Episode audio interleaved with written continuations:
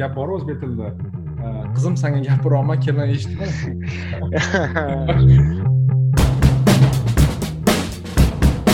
слишком такой dogmatичный o'ylashyaptida? Ha oshiryapti by default ya'ni nima deydi o'zbekchasiga default. Ya'ni hozir boshdan qaytarib yuboringda mana shunda. bu joyi kesib tashlaymiz uncha assalomu alaykum hurmatli tinglovchilar va tomoshabinlar.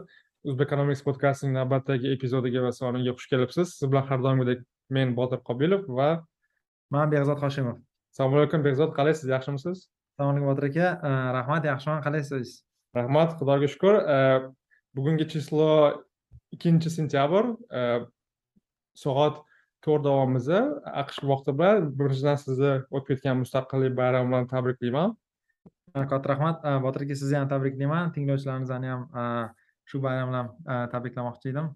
Rahmat. И shu e, boshlashimizdan oldin manda как раз savol bor edi. O'zi mustaqillik paytida har xil odamlar yozdi fikr yuritdi. И eng asosiy savol o'zi mustaqillik nima?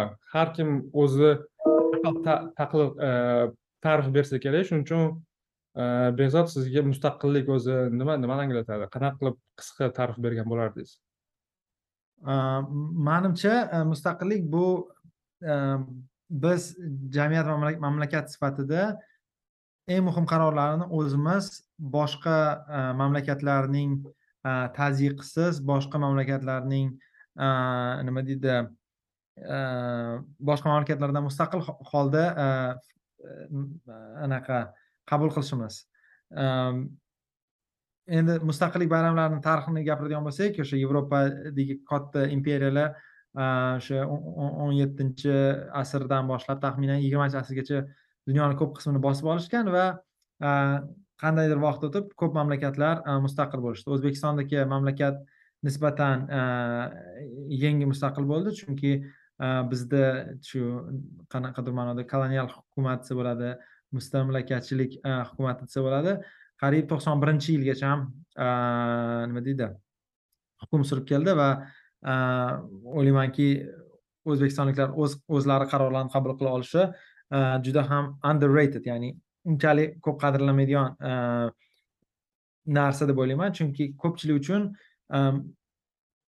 mamlakat deganda ayniqsa iqtisodiy nuqtai nazardan boylik degan narsa tushuniladi lekin aytib o'tish kerakki boylik boylik bo'lishi mustaqillik bo'lishi shart lekin yetarli emas lekin mustaqillik bo'lmasa har qanday boylik ham tatimaydi va ko'p boshqa xalqlar bor millatlar bor juda yam katta qon evaziga mustaqillik uchun э, kurashib uni olishgan. Э, bor mamlakatlar hali ham э, juda ko'p qon evaziga shu narsadan deylik qiynalib kelishmoqda va uzoqqa borish kerak emas. Hozirgi ukrainadagi urush ham menimcha o'sha e, to'qson birinchi yilda e, o'sha rossiyani e, imperiyasi to'kilganining asoratlarini bir oxirgi fantom urushlardan biri deb o'ylayman va bizga bu qanaqadir ma'noda nima deydi saboq bo'lishi mumkin. Albatta ukrainada ham siyosiy muammolar ko'p bo'lgan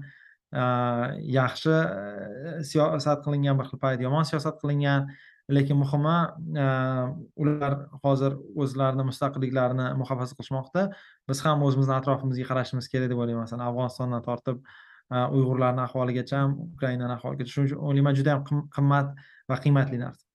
O'ttiz bir yil mustaqillikni ichida ko'p narsaga erishdikmi desangiz javob manimcha unchalik emas. Albatta boyroq bo'lishimiz rivojlanganroq bo'lishimiz mumkin edi.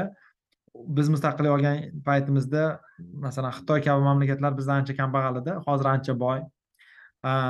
Ya'ni biz nima deydi kambag'allashmadik o'ttiz bir yilda lekin xohlagan darajada rivojlana olmadik. Masalan biz bilan bir bir paytda taxminan bir xil daromadga ega bo'lgan masalan polshani ko'rishimiz mumkin yoki vyetnamni ko'rishimiz mumkin. Shu kabi mamlakatlarni ko'rib bir introspektiv ma'noda ya'ni biz jamiyat sifatida bir fikrlashimiz kerak mana shu o'ttiz bir yilda qanaqadir sarhisob qilishimiz kerak. Sarhisob juda ham ehm, yaxshi ko'rinmaydi. O'sha hozir ukraina haqida aytdim.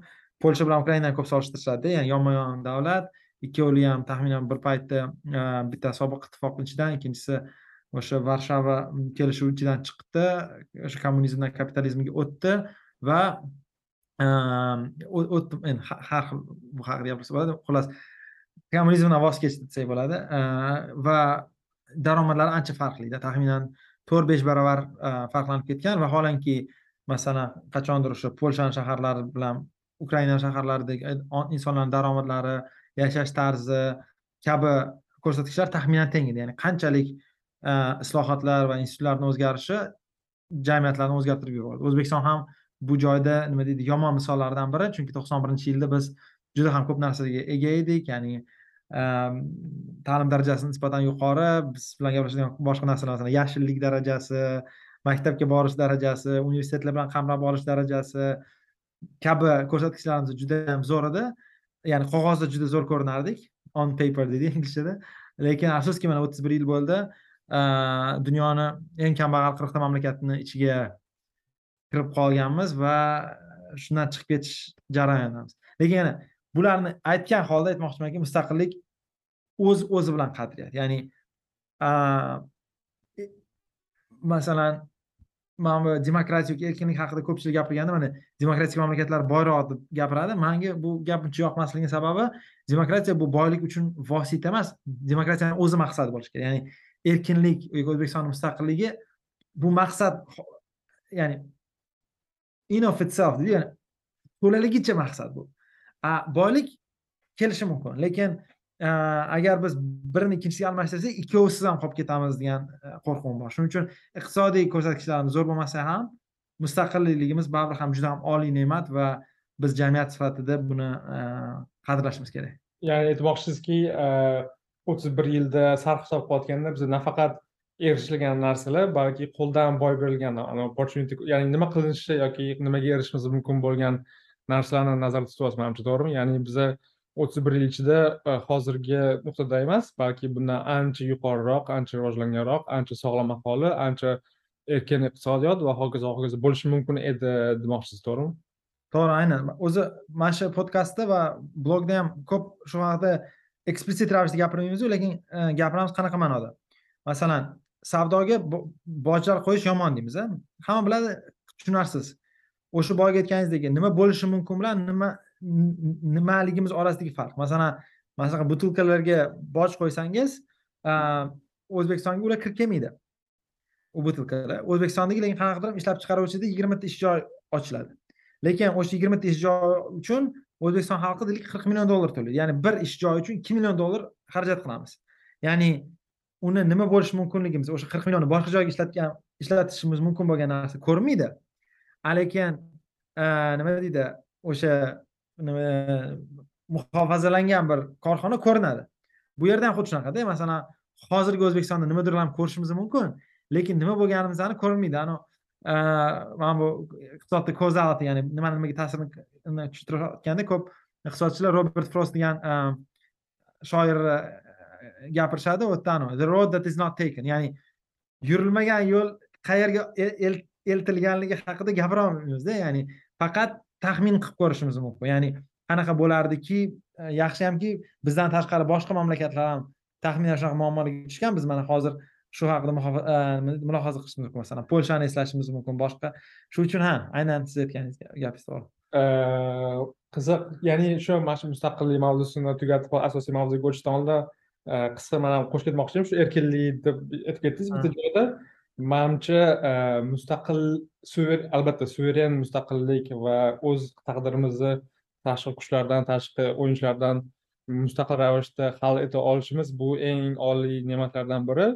O'sha e, underrated ya'ni narsalardan biri shu erkinlik ya'ni nafaqat mamlakatni erkinligi birgalikda balki shu ichidagi har bir odamni o'zini erkinligi uni erkin e, so'zni ifoda qila olishi erkin mahsulotlarni erkin xizmatlardan foydalanishi ya'ni bizni iqtisodchimiz shu iqtisodiy nuqtai nazardan e, e, erkin iqtisod va xohlagan mahsulotni ishlab chiqarish mulkka e, mulki bo'lgan erkinlik va hokazo va hokazo narsalar ham manimcha juda yam qimmatli bo'lsa kerak deb o'ylayman siz aytganingizdek demokratiya vosita emas balki bu eng kerakli bo'lgan oxirgi stansiya. Demokratiya slash ya'ni shu erkinlik demoqchi edim.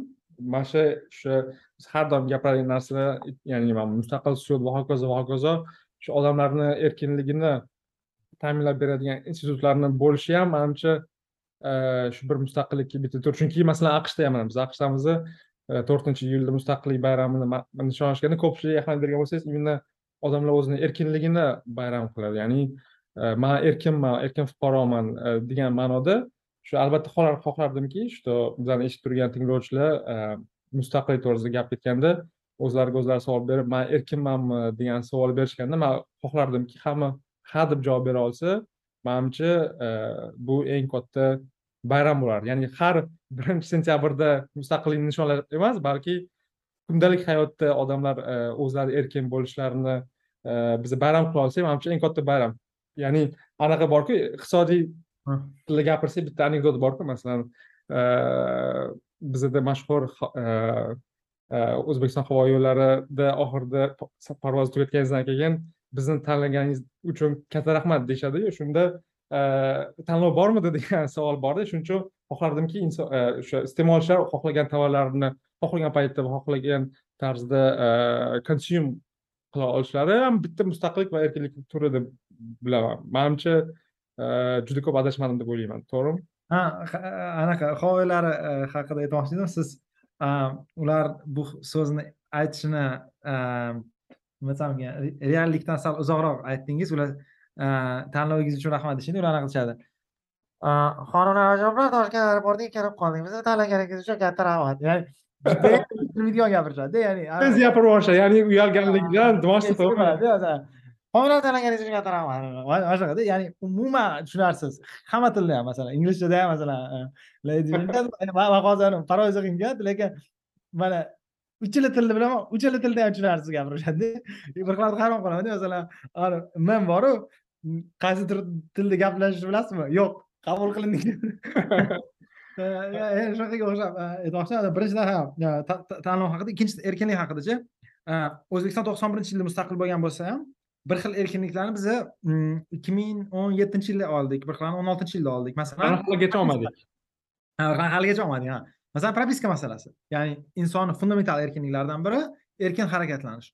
O'rta asrlarda masalan o'sha qullar yoki krestianlar yevropada har xil joyda har xil o'sha shahardan chiqib keta olmasdi chunki u o'sha deylik qirolli feodalli mulk hisoblanardi. Bizda ham qanaqadir taqdir taqozosi bilan va ko'p tarixiy deylik meros eh, tufayli shunaqa bo'lib qoldiki o'zbekistonlik pasportlar har xil erkinlik darajasiga ega bo'lishdi. Ya'ni inson qayerdan tug'ilganiga qarab. Masalan man qashqadaryoda tug'ilsam bemalol toshkentga kelib yashashim chegaralangan edi va bu mani fundamental erkinligim ya'ni qayerga yurish erkinligim cheklangan edi. Yana bir erkinliklardan bittasi dunyoda ya'ni biz o'zimizni mamlakatdan boshqa joyga ketishimiz uchun avier degan hujjat olishimiz kerak. Bu ham erkinligimizni fundamental cheklov yana bir erkinlik ko'pchilik buni biladi. Masalan so'z erkinligi. Siz bilan biz hozir podkast qilishimizdagi katta sabablardan biri? O'zbekistonda so'z erkinligi sal bo'lsa ham oxirgi besh yilda erkinlashdi. Ya'ni masalan deylik propiska masalasini erksizlik deb mulohaza qila olishimiz ham qaysidir erkinlik berilgan man aytmoqchimanki yana bir erkinlik. Valyutani erkin ayirboshlash. Ya'ni oldin legal ravishda dollarni masalan Э, nima deydi sotib olish masalan o'sha paytdagi markaziy bank kursi bilan. Imkonsiz ya'ni erkinlik mavjud emasdi shuning uchun o'ylaymanki yani o'zbekistonliklar oladigan erkinliklar hali ko'p. A, va erkinlik deganda yana bitta narsa aytmoqchimanki e, e, birinchi ravishda erkinlik bu qanaqadir davlatni majburiyatimi degan fikrim ham bor Qa- tushuntirishga harakat qilaman. Masalan e, o'z Э, pullarni qayerga ishlatish erkinligi. Masalan bu ham fundamental erkinlik deb o'ylaymanda. Insonlar soliq to'laydi va ular qayerga pul yo'naltirishi haqidagi erkinlikka ega bo'lishlari kerak. Masalan mana shu masala hali ham o'zbekistonda yechilmagan. Lekin o'shaning uchun mana mustaqillik bilan erkinlik qanaqa? Biz moskvadagi qo'ng'iroqlardan erkinmiz. Ya'ni moskvadan kimdir aytib bizga bunaqa qilinglar stansiyani bunaqa nomlanglar haykalni qo'yinglar degan e, narsadan yiroqmiz. Lekin jumhuriyat ya'ni o'sha grekcha so'z bor respublika umumiy ish degan g'oyaga hali yetib kelmadik chunki ko'p umumiy ishlarni biz o'zimiz hali hal qilolmayapmiz. Ya'ni bizda e, yana olinadigan erkinliklarimiz mavjud. Shuning uchun ha siz fikringizga qo'shilaman ya'ni erkinlik degani inson birinchi o'rinda inson tushunishi kerakda ya'ni e, boshqa boshqa institutlar emas.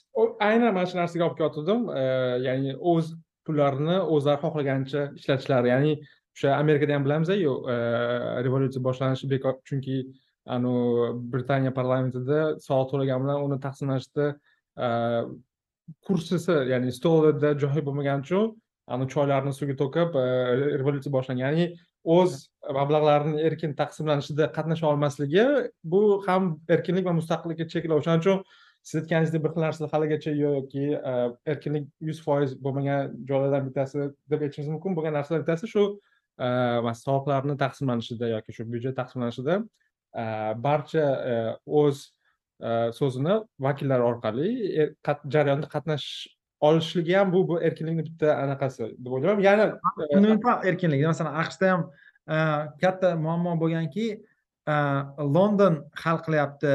Да o'zimizni haqqa ishlatishni deganda va kelaylik biz o'zimiz qilamiz. O'shanga ham masalan lotin amerikasi ya'ni janubiy amerika bilan shimoliy amerikani mustaqillik masalalari sal farqli. Shimoliy amerikada mustaqil bo'lgan mamlakatlar o'sha metropoliyalardan soliq tortib olish kuchini yo'qotish uchun urush qilishgan odam o'lgan qon to'kilgan va natijada o'sha xalq pulni bo'lish qobiliyatiga ega bo'lib qolgan masalan kanadada qanaqadir ma'noda va aqshda. Lekin ko'p janubiy amerika mamlakatlarida ular mustaqillik uchun kurashishgan metropoliyalar bilan. Lekin oxir oqibat kurashganlar ham yutganlar ham pulni taqsimlash imkonlari qon to'kkan askarlar ham pul e, taqsimlash erkinligi musharraf bo'lishmagan. Ya'ni shu narsa odam ozgina anaqa qiladi. Nima deydi o'ylantiradi?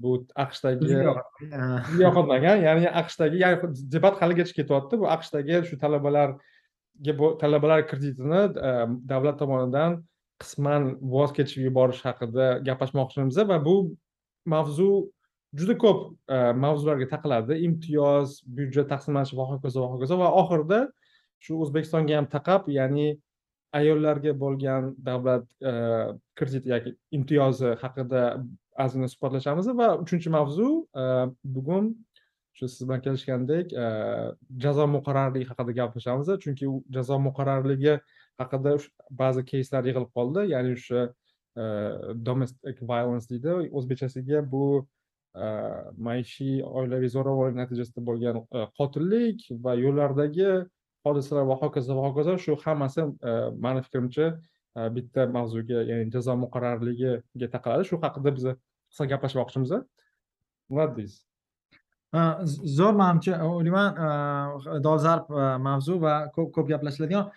Shunday birinchi boshlayman. Aqshda bu narsa e'lon qilingandan keyin botir aka iqtisodiy twitter deyiladi ikon twitter degan narsa bor.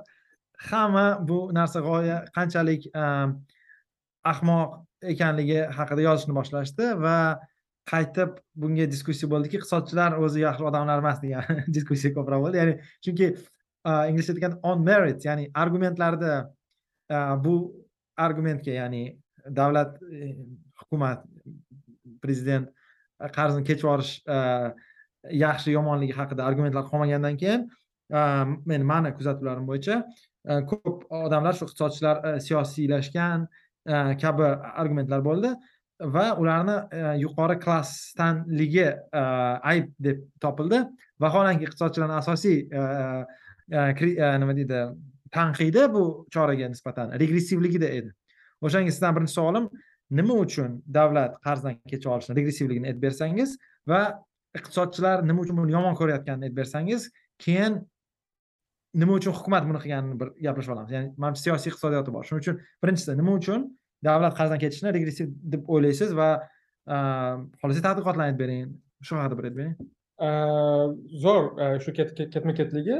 Ya'ni bilmadim bilmadim bu to'g'risida background ozgina berishimiz kerakmi yo'qmi ya'ni aqshda background kerak manimcha background beradigan bo'lsak aqshda hozir talabalar krediti ya'ni davlat tomonidan kafolatlangan va davlat tomonidan berilgan kreditlarni e, hajmi bir olti bir yetti trillion dollar. Ya'ni juda katta e, masala va qanaqa ishlaydi e, education departmenti bor ya'ni ta'lim vazirligi deydi. O'sha kredit beradi davlat kreditini universitetga beradi lekin kreditni kimga berishi universitet o'zi hal qiladi. Ya'ni davlat kimga qanday kredit berish ya'ni risk menejmentda umuman qatnashmaydi va universitetda to'g'ridan to'g'ri rag'bat borki talabalar soni ko'p bo'lishi va istalgan yo'nalishda o'qiydigan talabalarni olishga rag'bat bor. Ya'ni shu bizda kutubxonachilik humanities social e, e, social services degan e, majorlarda ya'ni har qanday yo'nalishlarda universitetda rag'bat bor. Ya'ni o'sha bu yerda misalignment deymiz o'sha rag'batlar bir biriga to'g'ri kelmagani sababli muammo shu nuqtaga yetib kelganki aqshda oliy ta'lim juda ham qimmat. Ya'ni ko'pchilikka e, доступный emas ya'ni nima desa bo'ladi o'zbekchasiga? Ehm, myutdasiz manimcha behzod. Uzr uzr. Man anaqani speaker viewdan anaqa a, qimmat desak bo'ladi. Ya'ni ko'p odam ko'p odamda naqd puli yo'q buni moliyalashtirishga desak ha xuddi shunday. И e, bu to'g'risida masalan gapirish mumkin. Masalan man hozir bitta narsani ko'rsataman screen share qilayotganda e, agar audioda eshitayotganlar ko'rmayotgan bo'lishi mumkin youtube orqali ko'ryapti odamlar. Bu yerda ikki minginchi yildan ikki ming yigirma birinchi yilgacha ya'ni yigirma bir yil mobaynida aqshda mavjud bo'lgan e, xizmatlar va tovarlarning narxi qanday o'zgarganligi haqida grafik bor va bu grafikni tam ko'rsangiz noldan tepada bu qo'pol qilib aytganda servis va tovarlar narxi qimmatlashgan noldan pastki ya'ni minusda bo'lgan tovarlar narxi arzonlashgan yigirma yil mobaynida solishtirish uchun yigirma yil ichida inflyatsiya oltmish besh prosent bo'lgan bo'lsa tibbiyot xizmatlaridan foydalanish больницаlardan foydalanish bu ikki yuz foizga oshgan ya'ni inflyatsiyadan to'rt barobar uch barobar va kollej universitetlarni grant e, e, kontrakt puli deymiz o'zbek tilida u taxminan bir yuz oltmish besh foizga oshgan. Ya'ni aqshda eng qimmat tovar va xizmatlardan biri bu oliy ta'limdagi kontrakt puli. Ya'ni muammo shundan e, iborat edi. Ya'ni buni e, to'g'risi отдельно gaplashsak bo'ladi lekin siz so'raganingizdek nimaga bu kredit olib o'qigan talabalarni qarzdan qisman kechib yuborish regressiv hisoblanadi deganingizga Э, chunki э, avvalambor bu siyosatdan э, boylar yutadi. Chunki bu imtiyozdan faqat boylar foydalanadi. Asosan desa bo'ladi chunki birinchidan bu soliq to'lovchilarni hisobiga moliyalashtiradigan imtiyoz ya'ni osmondan e, tushgan pul emas va kambag'al va o'qishga imkoniyati bo'lmagan e, aholi avvalambor e, bu imtiyozdan umuman foydalanmaydi desak ham bo'ladi. Chunki Э, masalan xususiy universitetlarda masalan aqshda э, oltmish besh ming yetmish ming yilga to'lab o'qigan e, bitiruvchi hozir bir yuz yigirma besh ming dollardan kam yiliga topayotgan bo'lsa davlat unga o'n ming dollarni kechib yuboradi. E, savol tug'iladiki a nimaga bir yuz yigirma besh ming e, olayotgan talaba tabiiyki e, o'z kreditini yopishga qurbi yetadi va nima uchun? Aqshning chekka tumani qishlog'idagi oliy ta'limga bormagan oliy ta'lim mahsulotidan foydalanmagan soliq to'lovchi evaziga e, bu imtiyoz moliyalashtirilishi kerak degan savol tug'iladi. Shu regressiv deganda man aytgan bo'lardimki e,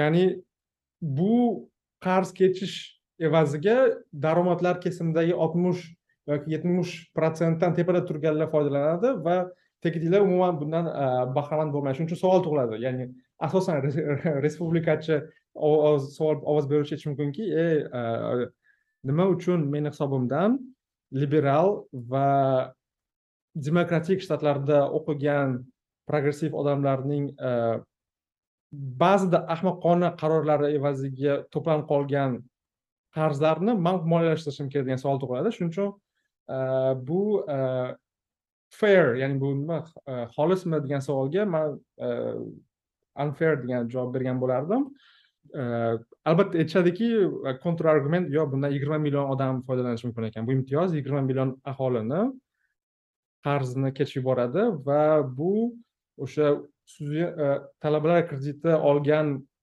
hamma aholini yarmini tashkil qiladi ya'ni talabalar krediti bor odamlarni talabalarni yarmidan ko'pi e, bu imtiyozdan foydalanadi.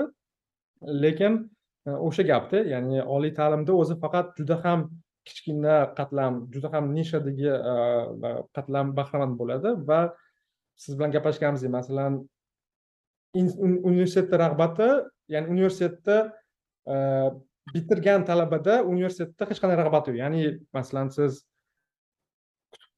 masalan условно olamiz kutubxonachilik e, major majorda yoki social work ya'ni ijtimoiy muhofaza yo'nalishi bo'yicha o'qidingiz lekin talaba biladi. Bu yiliga oltmish ming yetmish mingdan ko'p topmaydi lekin e, universitet e, davlat kreditini ta'minlab bergani tufayli talaba kreditni oladi universitet kreditni beradi lekin bitirgandan so'ng otning kallasidek kredit yig'ilib qoladi va argument shundaki nima uchun talaba ham universitet ham qilgan bu va davlat ham в том числе qilgan e, ahmoqona e, qaror evaziga boshqa soliq to'lovchilar bu yukni ko'tarishi kerak.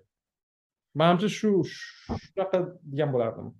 Man mana shu yerda o'zi qanaqadir e, judayam ayniqsa universitet domlalari uchun ya'ni balki iqtisoddan boshqa fakultetlardagi wake up call deydiyu nima deydi uyg'otish bir qo'ng'iroq bo'lishi kerak aqshdagi universitetlar masalasida. Um, mana bunaqa deb o'ylayman qarang u hozir biz nima desam ekan spesifik narsa haqida gaplashyapmizda hozirgi davlat qarzdan kechirib yuborishini regressivlik haqida lekin bu muammoni man hozirgi mana bu kutubxonachilar nima uchun qimmat universitetlarda o'qiydi yoki mana yaqinda wall street journalda qimmat magistratura programmalari yaxshi maktablarda masalan kolumbiya kabi garvard kabi maktablarda qimmat magistratura pro- programmalar qilishadi. Ularga o'qish uchun biznes analitika nimadir shunaqa programmalar bor. Ularga o'qish uchun odamlar katta qarzlar olib o'qishadi va bir xillarni to'la yubor- yuborish olmaydi. A, o'zi shuni manimcha ani original sin deydiyu ani birinchi xato hozir eslolmayman nechinchi yilda federal garantiyadan boshlangan. Oltmish beshinchi yilda manimcha taxmin o'shanda boshlangan. Keyin u narsa jadallashib borgan ya'ni garantiyalar ko'paygan. Keyin manimcha inqirozdan keyin ikki ming sakkizinchi yil inqirozdan keyin aniq esimda yo'q nechinchi yili u programma yopilgan ya'ni davlat garantiyasi nima degani? Davlat garantiyasi degani bank sizga pul beradi siz default qilsangiz u qarzni davlat bankka to'lab yuboradi shuning uchun bankda umuman rag'bat yo'q sizni tekshirishga anaqa qilishga. Yuz ming dollar qarzmi? Ma. Ellik mingmi? Ma. Ma hammaga qarz beravergan chunki davlat deyarli yuz foizini e, kafolatlab beradi. Bu xatoni to'g'irlash uchun yangi xato qilishdi. Kongress orqali davlat to'g'ridan to'g'ri kredit berishni boshladi. Ya'ni hozir shuni aytishimiz kerakki bu loyiha bu davlat yaqinda bir o'n yildan sal ko'proq bo'lgan bo'lishi mumkin. E, to'g'ridan to'g'ri federal qarzlar berishdan boshlangan. Ya'ni ular aytishganki to'g'ri. Shuncha yil xato qildik kafolatlash yomon ekan banklar yomon ish tutdi. Lekin federal hukumat undan ham e, muammoli chunki banklarda bu tekshirish bo'lsa ham federal hukumat ixtiyoriy odamlarga qarz beradi. E, va shuning natijasi nima bo'ldiki odamlarda birinchidan e, narx signallari noto'g'ri kelishni boshladi. Ya'ni masalan hozir ham mana universitetga kirsangiz aqshda hamma universitetlarda aytishadiki sen kim xohlasang bo'la olasan nima xohlasang o'qiy olasan kabi shunaqa gap bor. Uzr. Э, lekin э, g'oya shundaki anavi masalan man hozir bu yerga pul to'layapman nimadir e, olishim kerak degan g'oya kamroqda masalan aqshda o'qigan e, e, bolalarda bu narx signali ancha buzilgan. O'zbekistonda masalan narx signali bor. Masalan men qaysidir ham joyda yigirma ming dollar ketqizsam oyligim nechidir ming dollar bo'lishi kerak o'sha xarajatlarimni qoplash uchun. A bularda nima deydi? Student loan ya'ni o'sha universitet qarzlarini to'lash shunchalik bir hayotni bir qismidek bo'lib qolganki hech kim bu haqida bundoq chuqur bir mulohaza ham qilmay qolganda ya'ni hayotni bir qismi bo'lib qolgan shuning uchun anavi narx signallari ya'ni kompyuter o'qisam ellik so'm to'lashadi filosofiya o'qisam o'ttiz so'm to'lashadi degan g'oya yo'q. Ya'ni Ya- ikkinchi muhim narsa uzr. Ya'ni siz manaqa demoqchisiz to'g'rimi institutga o'qishga borib major tanlashdan oldin ya'ni shu направление fakultet tanlashdan oldin talaba kalkulyatsiya qilmaydi masalan hozir borib mana shu yo'nalishda o'qisam mani hayotimda davomida mani maoshlarim qancha bo'ladi demagan holda o'zini maoshlarini qisqartiradigan yo'l yo'nalishlarni tanlab qo'yishi muqarrar chunki o'qish narxini davlat qoplab beryapti ya'ni siz aytganingizdek va o'sha narx signaliga davlat aralashuvi natijasida talaba hozir o'tirib cost benefit analiz qilmayapti. Deyapsiz to'g'rimi masalan hozir man bir ikki yana yana bitta shu muhim narsa manimcha juda ham underrated diskussiyada bu amerikada juda ko'p talabalar ya'ni yaxshi universitetlarda emas sal yomonroq universitetlarda lekin asosiy odamlar yomonroq universitetlarda o'qishadi. Ya'ni shuni ham ko'pchilik anaqa qilmaydi masalan universitetlarda o'tganda hamma qanaqadir bitta universitet tasavvur qiladi. Bu xato fikrda. Liga plyushani o'ylashadi. Masalan o'sha bo'lishadi boshqa masalan liga plyusdan tashqariga chiqsangiz drop out rate degan narsa bor. Bu juda yam muhim funksiya man bir joyda o'qidim aqshda taxminan ellik foiz freshman keyingi yilga o'tmaydi. Ya'ni bir yilni o'qishadi man masalan shaxsan ko'p odamlarni taniyman ayniqsa mana shu nima deydi yaxshi emas universitetga borgan odamlardan. Bu ular universitetni oxirigacha bitirishmaydi. Sabablari ko'p yaxshi o'rganilgan mavzu. Lekin aytmoqchimanki universitetda bir yilmi uch yilmi ikki yilmi o'qisangiz ham o'sha ikki yillik pulini to'laysiz lekin uni deylik mevasidan foydalanmaysiz. Xohlaymiz ham yo'qmi? Universitetlarni signaling qismi mavjud. Mana mani o'zimni bir tadqiqotim bor shu signaling bilan human capital ya'ni inson kapitalimi universitet yoki bu signalingmi degan mavzuda signaling nazariyasi o'sha spens tomonidan o'ylab topilgan va nobel mukofoti olingan o'sha signalingga ishlaydigan g'oyalardan bittasi quyidagicha. Aqshda universitet to'rt yil davom etadi. To'rt yil universitetlarni bitirgan bolalar bilan uch yil universitetlarni bitirgan bolalarni orasida farq yigirma besh foiz emas daromadlarida ya'ni ular atigi bir yil o'qishmagan. Agar universitet bilim berib bilimingizni funksiyasi oylikka ta'sir qilganda kim e, universitet bitirgan yuz so'm olsa uch yil bitirganlar yetmish besh so'm olishi kerak edi. Ikki yil bitirganlar ellik so'm olishi kerak edi. Ma'no shundaki farq uch to'rt barobar katta. Ya'ni hamma semestr masalan sakkizta semestrdan yettita semestrni bitirgan insonlar bilan sakkizta semestr bitirgan insonlar daromadlarida farq juda katta. Bu degani universitetni qanaqadir ham qismi bu o'sha diplomingizni mavjudligini aytganda bir parcha qog'oz. Bir parcha qog'oz haqida diskussiya qiyin kelyapti chunki masalan kimdir aytishi mumkin odam ishni oxirigacha bitirishi kerak boshqa bu bitta diskussiya. Lekin muhim taraf nimada? Hozir ko'p hazil kechirilganlar haqida diskussiya ham shundan bo'lyaptiki insonlar universitetga kiradi o'sha qarzini oladi bir ikki yil o'qiydi u qarzini e, yomon tarafini o'ziga oladi lekin yaxshi tarafini o'ziga olmaydi. Ya'ni tepa qismini o'ylamaydi. Ya'ni e, universitetni boshqa qarzlardan farqli qismi e, mana shunaqa e, g'alati tanlovlar bor masalan universitetga borish yoki bormaslikni tanlashdan oldin qarzni olib qo'yish boru shu narsa muammolida chunki e, e, nafaqat u o'sha yo'nalish tanlayotganda man o'ylayman kattaroq muammo o'zi universitetga borish yoki bormaslik qarorini qabul qilishdan oldin insonlar universitetga borishi va o'sha qarzlarni manimcha yarmidan ko'pi bitirmagan odamlarni zimmasida yotibdi bu qarz.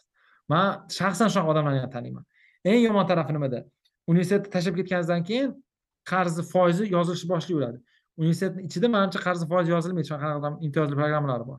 Ya'ni aytmoqchimanki universitetni bitirmaslik darajasi ko'payyapti hukumat mana bunaqa ish qilyapti ko'p odam universitetga borsa ular boyiydiku u yaxshi. O'shanga hamma universitetda o'qisin degan g'oya orqali universitetni subsidiya qilishyaptida. Odam universitetga o'sha marginal ya'ni o'sha bitirish bitirolmaydigan odamlar ham kiryapti qarz olyapti va tizimdan chiqib ketyapti. Shunda bu tizim judayam g'alati anaqalarga olib kelib qo'yapti. Nima deydi? Xulosalaganmi? Nima deydi anaqalarga bilimga ya'ni o'sha man aytadigan narsaga juda katta qarshi argumentda masalan u охват образования deymizu masalan davlatda yo'q aholini oliy ta'lim bilan qamrovi katta bo'lishi kerak deganga qarshi argument shundaki agar davlatda va hukumatda shunday siyosatni targ'ib oldinga surayotganda instrumenti imtiyozli kreditlar bo'lsa bu juda katta muammolarga ya'ni yomon muvozanatga olib kelib qo'yadi deyapsiz to'g'rimi ha yomon muvozanatga olib kelib qo'yishi mumkin birinchidan odamlar ya'ni bitirishiga ham anaqa berishingiz kerak qanaqadir ham rag'bat berishingiz kerak agar qarang universitetlar osonlashib ketib bitirish oson bo'lsa unda anaqasini topolmaydi ya'ni bu there is no good solution here. Qarang mana bir xil universitetlar bor ularni bitirish oson mana. For profit universitetlar bor aqshda anavi g'irt pul berasiz diplom beradi. Lekin ular shunaqa bozor biladi. O'shanga o'sha universitetni diplomi o'qimaslik bilan teng. Lekin sal bo'lsa ham normal universitetlar bor unaqa zo'r universitetlar emas normal universitetlar bor. Ularni bitirsangiz bozor beradi. Masalan esimda yo'q hozir city university of new yorkmidi eng baland anaqasi bor anavi uh, kalkulyatsiya qilib chiqishuvdi eng ko'p value added college degan narsa bor ya'ni berilgan masalan liga plyusha universitetlarni muammoli tarafi shundaki o'tga bormasdan ham u bola boy bo'lardida ya'ni saralab olish jarayonida yo'q saralab olish jarayoni degani masalan u yerda value added qismi yo'qda faqat sortingda anaqada emas. O'qitishda emas. O'shanga anavi o'sha kimni angris bilan piskini manimcha anaqasi bor. Maqolasini ko'pchilik bilsa kerak anaqa. O'sha garvard stanfordga o'xshagan universitetlarga kirib lekin u ularga bormagan bolalarni taqdirini ular borgan bolalarni taqdiri bilan solishtirishganda statistik farq topilmaganda ya'ni daromadlarda ya'ni bilmayman balki ular baxtliroq edi yoki boshqa narsalar bo'lishi mumkin edi lekin pul nuqtai nazaridan aqsh degan o'sha prestij E, prestij yuqori universitetlarda anaqasi yo'q value added yo'q. Lekin value added bor universitetlar ham borda bu bular o'sha mana california state system bor e, city university of new york system kabi zo'r universitetlar bor ular o'sha kambag'al odamlarni deylik boy qiladi e, oddiy tilda gapiradigan bo'lsak lekin ularni bitirish qiyin. Deylik o'sha zo'rg'a kirgan odam bitirolmasligi mumkin. И judayam yomon anaqada bo'lib qolyapmiz. Ya'ni agar universitetlar hozir talablarini susaytirish boshlashsa buni bozor bilib qoladi va diplom qiymati qolmaydi. Agar universitetlar talablarini o'sha o'sha qoldirsa bolalar bitira olmaydi qarz olib chiqib ketadi va universitetni shunaqa bir muammosi bor. Shuning uchun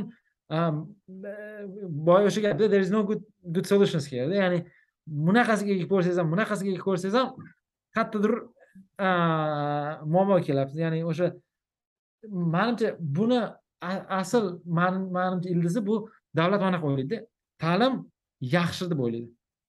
Qanaqa nima yaxshi deb o'ylaydi?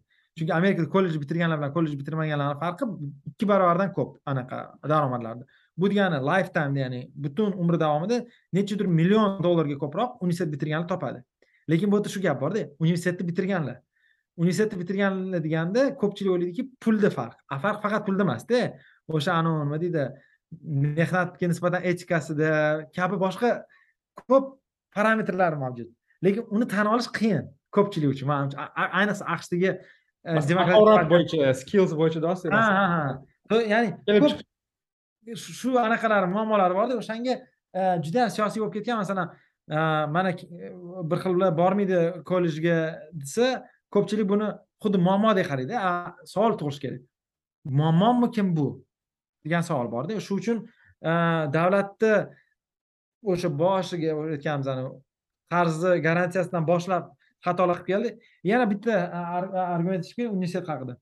Agar universitetni siz inson kapitali deb o'ylasangiz va ko'pchilik shunaqa deb o'ylaydi u qarzdan voz kechish ilojisi yo'q bo'lishi kerak. Mana hozir shu bankrotlik haqida gapirishimiz kerakda. Hmm, man shuni ha aytmoqchimisan bering talabalar bankrotga e, bankrotga e, uchrolmaydi ya'ni talabalar kreditini olgan masalan oddiy mana moliyaviy instrument bu kreditda bank beryaptimi davlat beryaptimi farqi yo'q. Moliyaviy instrument eng katta shu risk menejmentlardan bittasi bankrotlikka uchrash uchramaslik. Masalan qarzdan pul qarzni qaytarib bera olmasangiz hmm. va sizda bankrot deb e'lon qilishga huquqingiz va imkoningiz bo'lsa bank bundan oldindan biladi va bunga beraylikmi kreditni bermaylikmi deb cost benefit qiladi yoki bersa ham marjasini katta qilib qo'yadi foizini davlat kreditida ya'ni talabalar kreditida masalan ko'chada o'n to'rt foiz bo'lsa hozir aytgancha buni ham bu imtiyozli kredit besh foizdan berar ekan masalan taxminan talabalar krediti besh foiz bo'lsa ko'chada o'n besh foiz uch barobar arzon. Talaba bo'lib bitirib chiqsangiz qarzingiz bo'lsa siz umringiz davomida o'zingizni bankrot deb e'lon qila olmaysiz aqshda shu shuni sababi iqtisodiy oddiy masala masalan deylik man nima deydi nimadir masalan xolodilnik oldimda yoki masalan bir narsa traktor oldimda anaqalik qildim. Nima deydi o'sha agriculture nima deydi anaqa. Paxta a paxta Ha, paxta terdim keyin traktorimni to'lamasam traktorimga bank mani traktorimni olib qo'yadi. Ha?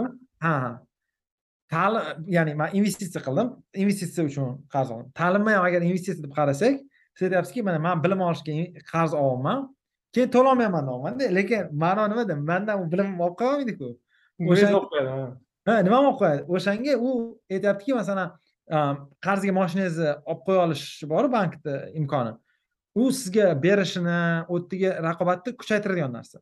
Agar uni discharge qilish ya'ni o'sha moshinadan voz kechish imkoni bo'lmasa masalan deylik hech qanaqasiga bank moshinani olib qo'yolmaydigan bo'lsa katta ehtimol bilan ko'p odamga bank moshina bermaydi kreditga mana mana shuni ko'pchilik tushunmayapti ya'ni masalan u bankrotlik qilmasligini sababi ham siyosiy bo'lgan. Qanaqa bo'lgan?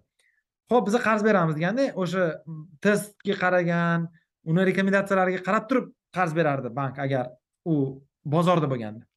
Keyin o'ylardi masalan agar deydi mana shu bola institutni bitirmasa man va bankrot bo'lib qolsa moliyaviy nuqtai nazardan unda man deylik anaqa voz kechishimga to'g'ri keladi mana shu yuz ming dollar masalan deylik garvardga borsa yuz ming dollar to'layman u bitirmadi masalan uch yil o'qidida u yerda anaqa piv ichdida bitirmadi endi morse a morse ha man man viskonsindan bo'lganim uchun deyman viskonsin amerikada eng ko'p eh, ichadigan universitet va man sizga yubordim mana shu ko'rdim mana ha, u- siz anavi rayonlar bo'yicha yuborasiz man aytmoqchiman universitetlarni ichida ham eng ko'p eh, ya'ni bizada ko'p student ichmaydi ichganlar ko'p ichadi Va, eh, anaqani ko'rdim man statistikani manimcha bizada o'ttiz bir foiz student umuman alkogol ichmas ekan lekin kishi boshiga ichishi juda baland o'shanga eh, intensive margin uh, intensive margin ha intensiv margin katta. Xullas ha man nima aytmoqchiman bizada agar ko'pincha ichgan bo'ladida Eh, xullas kim anaqa aytuvmidi kennedini adasi aytuvmidi ichmagin deb anaqa pul beraman deb garvardda o'qisang shunaqa bitta anaqa bilmadim dodani berganlar bilmadim to'g'ri gapmi yo'qmi. Xullas anaqa aytuvdiki manimcha kennedi bo'lsa kerak. Eh, adasi aytgan manimcha garvardda o'qigan bo'lsa kerak. Jfk aytgan ekan universitet ichida anaqa qilmasang to'rt yil ichida ichmasang man necha pul pul beraman degan ekan. Keyin uni o'rtoqlari bilib olgan ekan. Kennedini ani qo'li oyog'ini boylab ichtirishgan ekanda pul olmaslik uchun adasidan shunaqa anaqa, e, e, mayli xullas aytmoqchimanki universitetni bitirmasa bank bilardiki o'sha pul pul- pulsiz qolib ketadi. Endi pulsiz qolib ketganini bil- bil- bilish uchun o'sha risk menejment nuqtai nazaridan risk kategoriyasiga tushadiganligi bermasdi. Keyin davlat aytdiki yo to'xtanglar biz diskriminatsiya qilolmaymiz deyishdi. Chunki hamma o'qish kerak. Ha, hamma o'qish kerak. Ha, hamma o'xshaydi diskriminatsiya qilolmaysizlarmi ya'ni diskriminatsiya degani qanaqa ma'no diskriminatsiya? Anavi to'lash qobiliyati nuqtai nazaridan diskriminatsiya qilishga haqqinglar yo'q dedi. Bank aytishdiki okey agar shunaqa bo'lsa uni discharge qilishga imkon bermasliginglar kerak. Chunki investitsiyaku bu hammada borku bu narsa. To'lash qobiliyati kamayib ketmaydiku deyishdi ya'ni o'shanga bu bunaqada ya'ni o'sha ruschani anekdot boru yoki bunaqa qiling yoki bunaqa qiling degan endi hozir o'sha krestni yeching yoki shu- shunaqa shunaqa. anaqa bo'lib qoldida nima deydi? Ya'ni agar buni investitsiya desangiz mana bunaqa inson kapitali desangiz mana mana shunaqada shunga bu solution ham borda masalan kimdir aytishi mumkin hozir anaqa ya'ni okey nima qilish kerak edi davlat yoki ta'lim o'zi buzilgan sistema qanaqa ishlashi kerak edi degan savol bo'lishi mumkin man nimaga olib kelayotganimni hozir aytaman ya'ni okey talabalarga davlat imtiyozli kredit bermasa bu to'lay olmaydigan talabalarga ya'ni o'qishdan oldin puli yo'q lekin o'qishni bitirgandan keyin yetarli mablag' topa oladigan va qarz qaytarib bera oladigan talabalarda hozir resurs yo'q qanaqa qilib buni moliyalashtirish kerak degan savol tug'iladi va traditsion banklar bundan masalan o'n sakkiz o'n to'qqiz yoshli bolalarga qizlarga tabiiyki bank e, e, conventional yo'llar bilan e, kredit berolmaydi. Shuning uchun bitta anaqa ishlab topilgan masalan ko'pchilik bilsa kerak eh, yo'l bilan bera oladi просто mana man mana shu yerda sal anaqada hozir siz aytayotgan narsangizni man reforma qilishga harakat qilaman va dezagri qilishga harakat qilaman. Qarang siz aytyapsizki o'n sakkiz yoshda odamlarni pul potensialini bilmaymiz o'shanga biz nima deydi diskriminatsiya ya'ni bilmaymiz o'shanga banklar qiynaladi informatsiyadan deb aytyapsizda Ah, Yoki man aytmoqchimanki e, zalogiya masalan e, o'n sakkiz yoshli e, yigit qizda yoki ota onasini masalan kvartirasini qo'yib qo'yishadi bir xil joyda но shu ham buzilgan ya'ni ota onasini kvartirasi yoki sigiri yoki moshinasini zalogga qo'yib o'g'li qizini o'qishga bank kredit bersa man to'xtanglar to'xtanglar yo'q dedim chunki bu jarayonda anavi talabani bitirgandan keyin anavi outcomelarga hech qanaqa bog'lanmagan. Ya'ni talaba bitirgandan keyin ham man o'zim bankrot e'lon qildim ota onamni moshinasini yoki uyini olib qo'yib degan holatlar tabiiyki bo'ladi. Shu shu ma'noda aytmoqchi edim uzr gapingizga bo'ldim yo'q yo'q man man man shu narsani o'ylayapman qarang bu как investitsiyadagida banklar sizga hali производство qilmasdan turib pul bera oladiku sizga investitsiya diskriminatsiya qila oladi sizni o'sha biznes planingizni ko'rib chiqadi nimanidir ko'rib chiqib sizga investitsiya qiladi o'shanga ham agar banklarda yoki faqat bank emas ixtiyoriy moliyaviy institut yoki даже universitetlarni o'zi qarz berish imkoniyati bo'lsa va u yerda raqobat bo'lsa biz signallardan bilib olardik kimga qarz berish mumkin mumkin emasligini. Bu tizimni davlat buzib qo'ygandan keyin yangi tizim o'ylash topishga to'g'ri keldi va shuni aytib ya'ni o'zi bor narsani e, o'ylab topishga to'g'ri bank tizimida muammo nimada edi man hozir aytayotgan tizim hozir birinchi uni nomini ayting keyin man uni muammosini ya'ni mani sal shu shunga disagreement bor. Ya'ni bu narsa anavi e, teshuv narsani lotach qilish o'rnida bu. Ya'ni o'zi ha. Aytaymi nimaga o'xshataman anavi e, seminarlarga kelganda kitob o'qib tayyorlanib kelishadida to'g'risida gap ketishi bilan birinchi slayddan keyin oxirgi slayddagi ma'lumotni savol berishadida o'sha. O'qimasdan kelganlar qarab o'tiradi nima to'g'risida gap o'shaning uchun ba'zi tinglovchilarda shunaqa e, bo'lmasligi uchun anavi kontekstlik hozir man qaysi anaqa olib kelyotgandim ya'ni e, o'sha buzilgan tizim o'rniga o'ylab topilgan tizim ya'ni e, income share agreement ya'ni shu talabalarni o'qishi bitirgandan so'ng E, universitetda ham va kreditni bergan xususiy mulkdormi yoki davlatda ham aynan talabani olgan bilimi va talabani muvaffaqiyatida qandaydir e, ulush bo'lishi kerak degan tizim ya'ni masalan purdyu universiteti bor e, indiana indiana shtatida o'sha keng tadbiq qilgan ya'ni man hozir ko'rsam bu sxema qanaqa ishlaydi? Ya'ni bu yerda ko'rayotganingizdek uchta asosiy o'yinchi investor universitet talaba. Investor bu universitetga talabani o'sha xarajatlarini kontraktini qoplab beradi universitet ta'lim beradi lekin universitet ta'lim berayotganda e, shunday ta'lim beradiki e, uni outcome'lari studentni e, olgan bilimi natijasida topadigan daromadlari talabani kreditni qanday yopishiga bog'liq. Ya'ni oxir oqibatda ya'ni mana bu yerda investor student o'qishni bitirgandan so'ng uni oyligini daromadini qaysidir qismini besh foiz o'n foiz fiksirованный qismini qaytib oladi.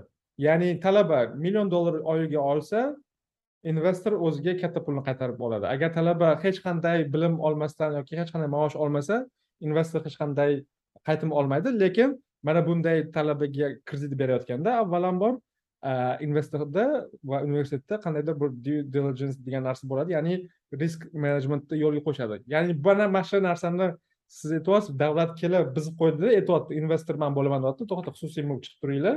Sizlar o'n besh foiz qo'yyapsizlar talabani e, oilalariga bog'lanib qolyapsizlar man o'zim davlat bo'lib turib universitetga kredit beraman. Talaba oyligi qanaqa bo'lishi mani qiziqtirmaydi deyapti davlat. Va shu natijasida mana bu universitet e, juda ko'p e, e, talabalarni olib tashlayapti va eng muhimi manimcha bu to'g'risida aytmadik eng hmm. muhimi davlat garantiya bergandan so'ng universitetlar ha okey davlat bu talabani o'qishini qoplab beryaptimi va kelajakda balki voz kechaveradimi kontraktlarni oshirib qo'yamiz. Ya'ni hozir bayden o'n mingdan kechib yuboraman dedimi? Man bilmayman ertaga universitetlar o'n ming dollarga oshirib qo'yishi mumkin. Tabiiyki. Mana mana shu narsani ham biz biz qo'ydi va siz aytganingizdek shu davlat kelib buzilgan tizim natijasida mana income shared agreements paydo bo'ldi to'g'rimi ha ha man shuni aytmoqchiman. Aytmoqchiman shu o'n ming qarzga anaqani ko'paytirib qo'yish ham juda yam real narsada ya'ni ko'p narsa iqtisodda tushunishmaydi price inligini. Masalan hozir bunga misol keltirishim mumkin mana bu elektrik kar e, elektrik avtomobillar e, ixtiyoriy avtomobil saytiga kirsam har doim masalan narxi deylik moshinani ellik ming bo'lsa narxini qirq ikki ming besh yuz so'mga yozib qo'yishadida. Keyin oxirida aytadiki davlatdan yetti yarim ming olasanu baribir ham deydi ya'ni u u aqshda o'sha hozir yetti yarim ming davlat beradi anaqa elektr avtomobillarni sotib olganlarga. Ayrim kompaniyalarga u- hozir u haqida gaplashgim kelyapti lekin tasavvur qiling hammaga deb turaylik hozircha. Reklama ha so- sotayotgan. Ha masalan tesla bunga to'lamadi shunga reklama to'lasa olamiz lekin to'lasa olamiz Ha, e- e- shuni aytmoqchiman. Ya'ni shunchalik qiziqki ular narx haqida gapirayotganda moshina nechi pul turadi desa yetti yarim mingni ayirib turib narxini aytadida sizga.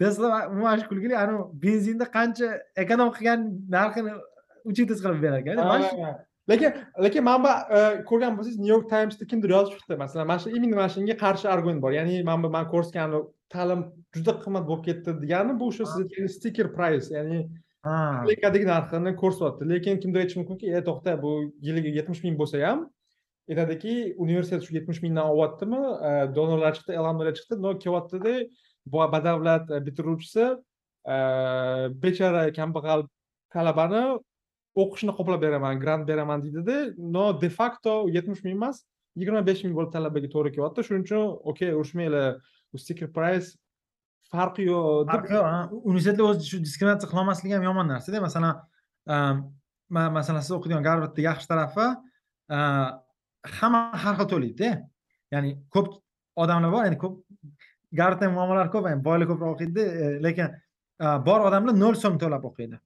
Bor odamlar badavlat yetmish ming e, to'lash kerakda masalan mani ham bir e, domlamiz bor e, qizi o'sha judayam bir yaxshi universitetga kiruvdi. Aytdiki har yili kadillak olib anaqadan tog'dan uloq uloqtirib yuboraman anaqa to'laganimda kontrakt to'laganimda dedi. Ya'ni chunki agar viskonsinda o'qiganda u shtat ishchisi ya'ni shtatda yashovchi bo'lsangiz arzonroq to'laysiz masalan viskonsin kaliforniya texas yoki shunga o'xshagan shtatda yashasangiz universitet yaxshi bo'lsa shtatingizda masalan o'n ming to'laysiz taxminan. Lekin shtatdan tashqarida qirq besh ming to'laysiz yoki ellik besh ming to'laysiz chet ellik undan ko'proq to'laysiz masalan ha masalan ha shu ma- masalan deylik man ay- aytmoqchimanki uni qizi e, taxminan masalan viskonsindagi berkliyga kirdi. Berklida ellik mingni to'lash kerak. Lekin kaliforniyada yashaganda u arzonroq to'laydi shunga o'xshagan bir ha, ha, ho- hozir kimdir berklini viskonsinda bo'laysan demasin mayli anaqa man nima demoqchimanki mana shu diskriminatsiya qila olishi juda yam katta anaqada e, masalan mana man viskonsinda dars beraman.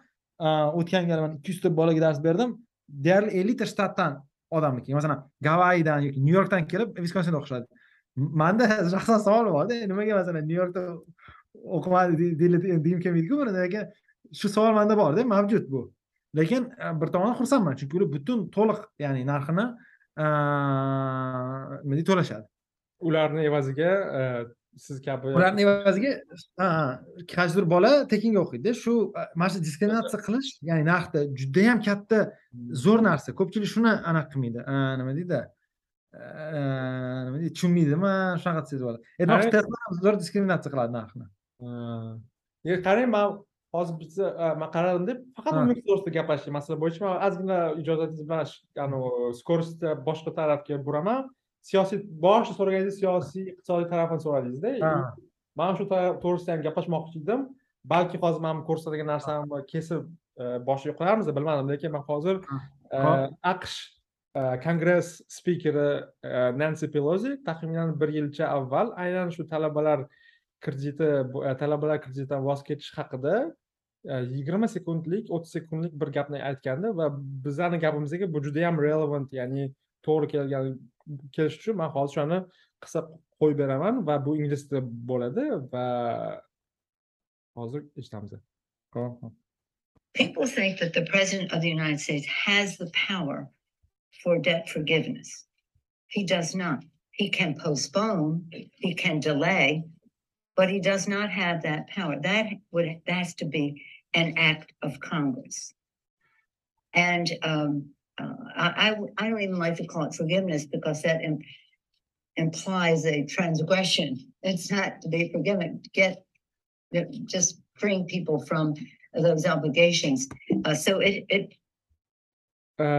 ko'rindi umid qilamanki video ko'rindimi behzod ha ko'rindi eshitildi va bu bu bu e, qiziq siyosiy iqtisodiyot ya'ni siyosiy sabablarga ko'ra kongress e, prezidentni qilayotgan ishini nima deydi tekshirmayapti. Ya'ni tarjima qiladigan bo'lsak qisqasi o'sha spikerlarni spikerlar spiker demokrat spiker bir yarim yilcha oldin aytyaptiki janob prezident ya'ni mani partiyadoshim baydenda bunday vakolat yo'q bunday ijro hokimiyatida bunday vakolat yo'q bu faqat kongress e, vakolati va kongress qilishi mumkin va bu noqonuniy deyapti lekin hozir bu qonun albatta o'z fikrini biroz yumshatdi o'zgartirdi. Но gap shundaki e, bu narsani siyosiy iqtisodiy tarafi iqtisodiy kalkulyatsiyadan ko'ra ancha e, muhimroq emas balki o'sha qaror qabul qilayotganda katta ves olgan deb aytsa bo'ladi. Ya'ni iqtisodchilar aytyapti buni kritika qilyapti lekin Э, siyosiy tarafi va siyosiy iqtisodiy tarafi ozgina ma'qulroq bo'lgani uchun e, bunga kelyapti. Shu savolim shundan keyin iboratki e, bu ijro hokimiyatini qarori boshqa ijro hokimiyatini qarorlari kabi sudda bekor bo'lib ketishi tabiiy va mana shu mana shu mana shu tarafi qiziqda ya'ni nima uchun hozir diskussiya bo'lyaptiki bu baydenni bu e, qarori noqonuniy bo'lishi mumkin? Shuni tushunira olasizmi и e, nima nimaga bu partiyadoshligi hozir umuman farqi yo'q. Ya'ni demokrat iqtisodchilar ham demokrat siyosatchilar ham e, bunga qarshi bo'lyaptiki ayblashyaptiki bayden ovoz beruvchilarni ovozini olib olmoqchi. Shu to'g'risida ozgina gapirib bering ha man anavi manimcha ham qarzdan voz kechish bu fiskal siyosat va katta ehtimol bilan bu hozirgi hukumat qarori bo'lishi qiyin va shubhali. Ikkinchisi man o'ylaymanki ehm, ko'pchilik e, mana iqtisodchilar anaqasi distributional consequences deydi. Ya'ni o'sha regressivlik e, muammosi e, ko'rsatilyapti. Ya'ni boyroq odamlar kattaroq qarz olishgan. Shuning uchun ularni ehm, va umuman qarz olish ehtimoli ham o'sha boyroqlik bilan bog'liq. Va shu uchun bu muammoli bo'lishi mumkin. Mana hozir bitta misolni tushuntirib berishga harakat qilishim mumkin. Aqshda eng kulgili statistikada oxfam mana shunaqa narsalar publikatsiya qilishadi. Ani tengsizlikda boylik tengsizligini ko'rsatishadida kulgililigi masalan sizni universitetingizda hozir mana mba programmada mingtacha odam o'qiydi. Ularni bitirgan odam taxminan ikki yuz ming dollar qarz bilan bitiradi va deylik bakalavrdan keyin o'shani bitirdik. Ya'ni hech qanaqa puli yo'q balki yuz ming dollar puli bor cho'ntagida ikki yuz ming dollar qarz bilan bitirdi. U odamni boyligi minus bir yuz ming dollar. Lekin u odam birinchi ishda там o'rtacha bir yuz sakson ming dollar topadi. Lekin boylikni hisoblayotganda ular e, yoshlar bilan qarilarni o'rtasida hisob bo'lib qoladi. Ya'ni qanaqadir ma'noda o'sha garvardda yuridicheskiy institutini yoki mbani bitirgan odam kambag'al bo'ladi. Chunki e, manfiy счет balansida. Masalan bilmadim viskonsinda anaqa nima deydi pishloq ishlab chiqaradigan zavodda ishlaydigan odamni qirq ming dollar счетida puli bo'ladi. Besh yil ishlagan. Magistratura qilmagan bakalavr qilmagan. Boyroq hisoblanadi qog'ozda. Kim? Boyroqda. E, mana shu savolda shu uchun e, mana shu distribution consequencelari e, juda yam ayanchli. Ya'ni qanaqa bo'lyaptiki qanaqadir ma'noda kelajakda boyroqlarni qozi qarzdan voz kechyapmiz. Va shu boyroq degan so'zga ham qanaqa atama qilishimiz kerak? Boyroq deganda nimani nazarda tutyapmiz hozirgi pulmi ertangi pulmi? Potensialmi potensial emasmi? Shu shu kabi savollar bor. Kimdir hisoblab ham chiqdi.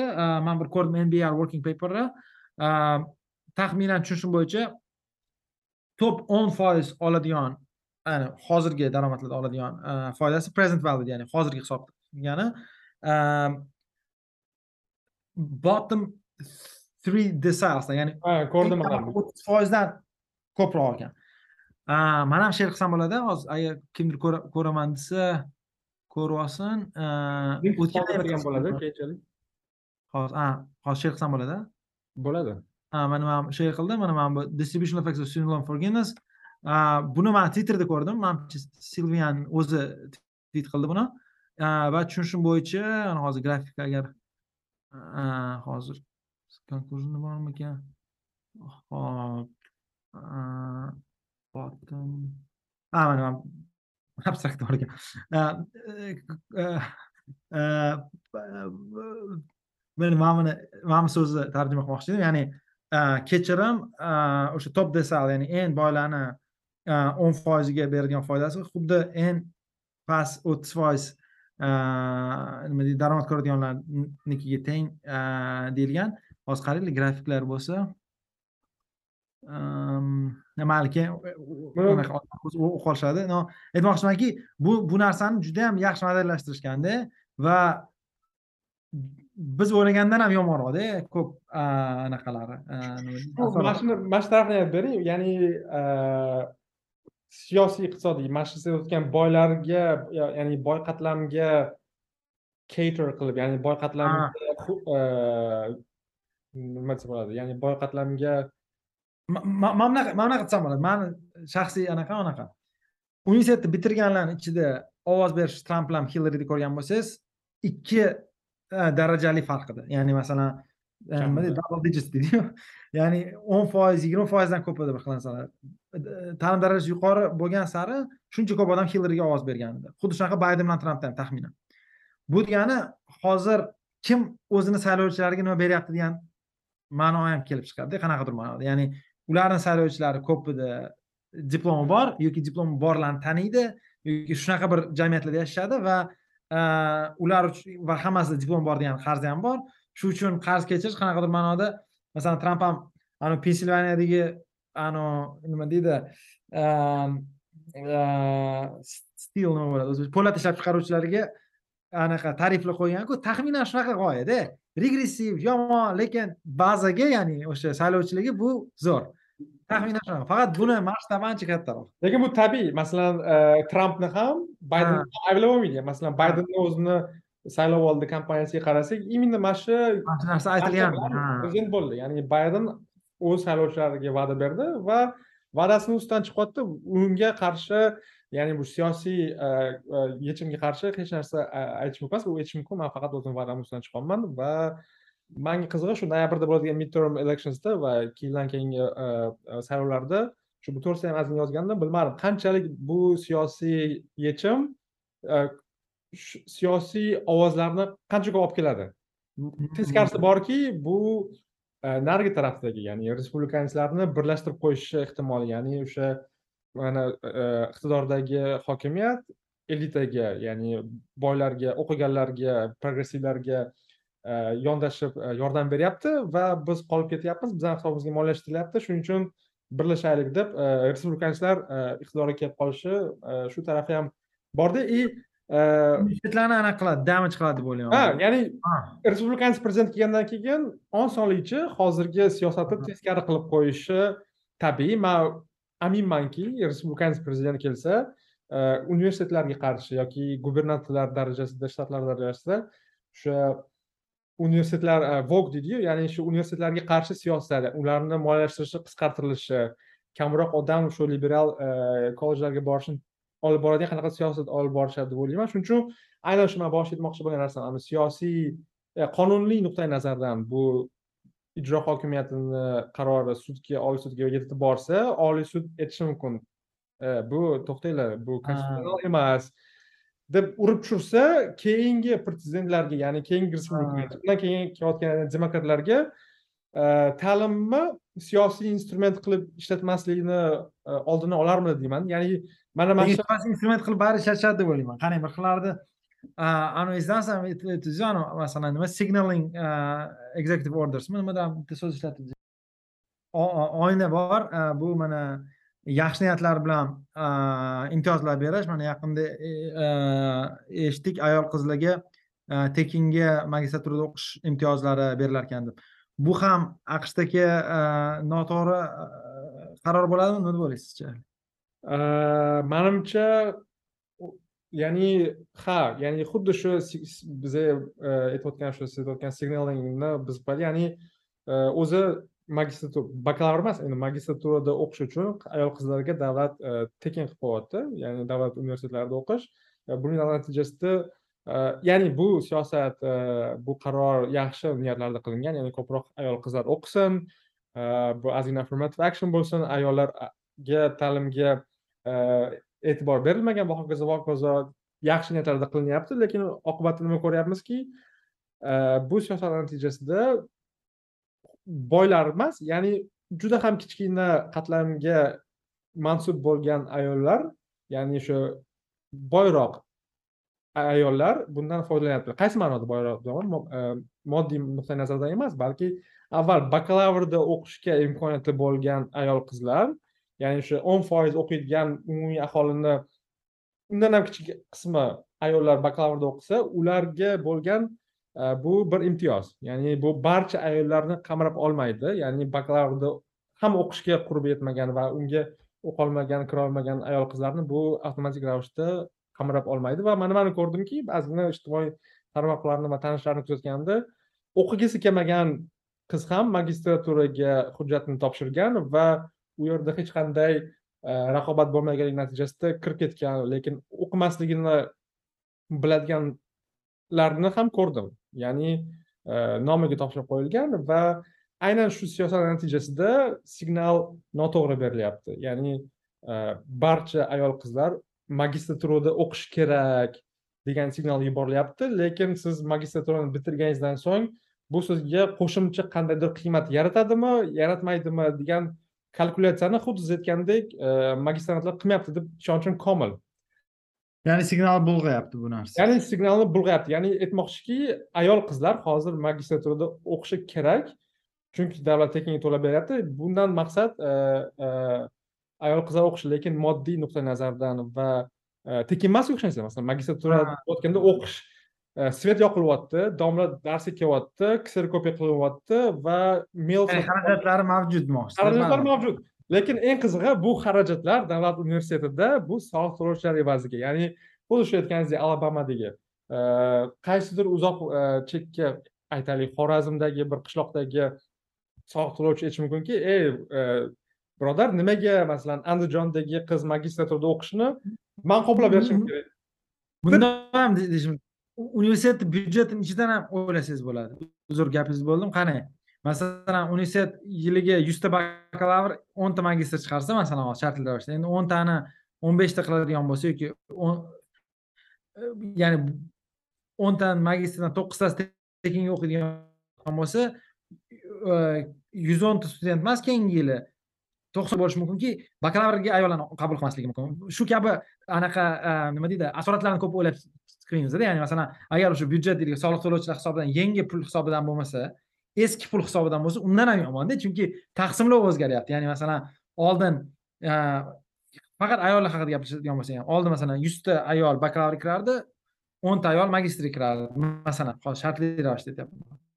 Va hozir bu tekinga bo'ladigan bo'lsa bu nima hisobiga moliyalashtiryapti yangi pul soliq to'lovchilar hisobiga bo'lyapti va yangi pul bo'lsa ham anavi boyagi intensiv marjinda nima uchun aynan bu narsa ko'payishi kerak bu emas degan mana shu savol bor. Nima uchun bakalavr ko'payishi kerak emas nima uchun litsey ya'ni savol juda ko'payishi boshlaydi mana shundan keyin mana man savol beraman shu bilan yakunlaymiz magistratura emas lekin ha. Man- javob bilmayman magistratura emas lekin bakalavr yoki qizlar litseyda ko'proq o'qisin yoki хотя бы oliy ta'limda birinchi bakalavrda o'qishiga davlat kredit imtiyozli kredit berishi qanchalik to'g'ri? Ya'ni o'sha affirmative action ayollar oldin o'qimagan hozir o'qisa shu nuqtai nazardan nima deysiz?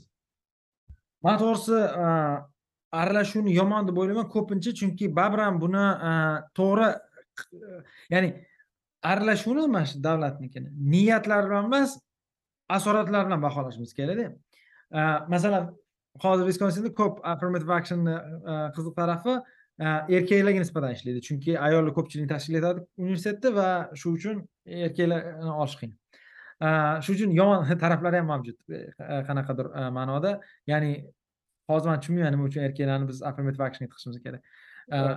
Rahmat juda zo'r e, javob. Ha. manimcha shu bilan e, bugungi eshittirishimizni tugatamiz keyingi mavzuimiz albatta shu bugun qoplanmagan shu jazo muqarrarligi haqida gaplashamiz shuning uchun yana bir bor uzr vaqt limitdan chiqib katta rahmat ha sal cho'zilib ketdik yana ha- har doimgidek rahmat behzod vaqtingizga ham tinglovchilar uchun ham va eshituvchilar uchun ham katta rahmat youtubeda obuna bo'ling va ulashing do'stlaringiz bilan like share deydiku Ilon, subscribe. Notification ho'p botir aka rahmat. Ko'rib xursand bo'ldim. Sog' bo'linglar hammaga. Bayramlar muborak bo'lsin. Rahmat salomat bo'linglar.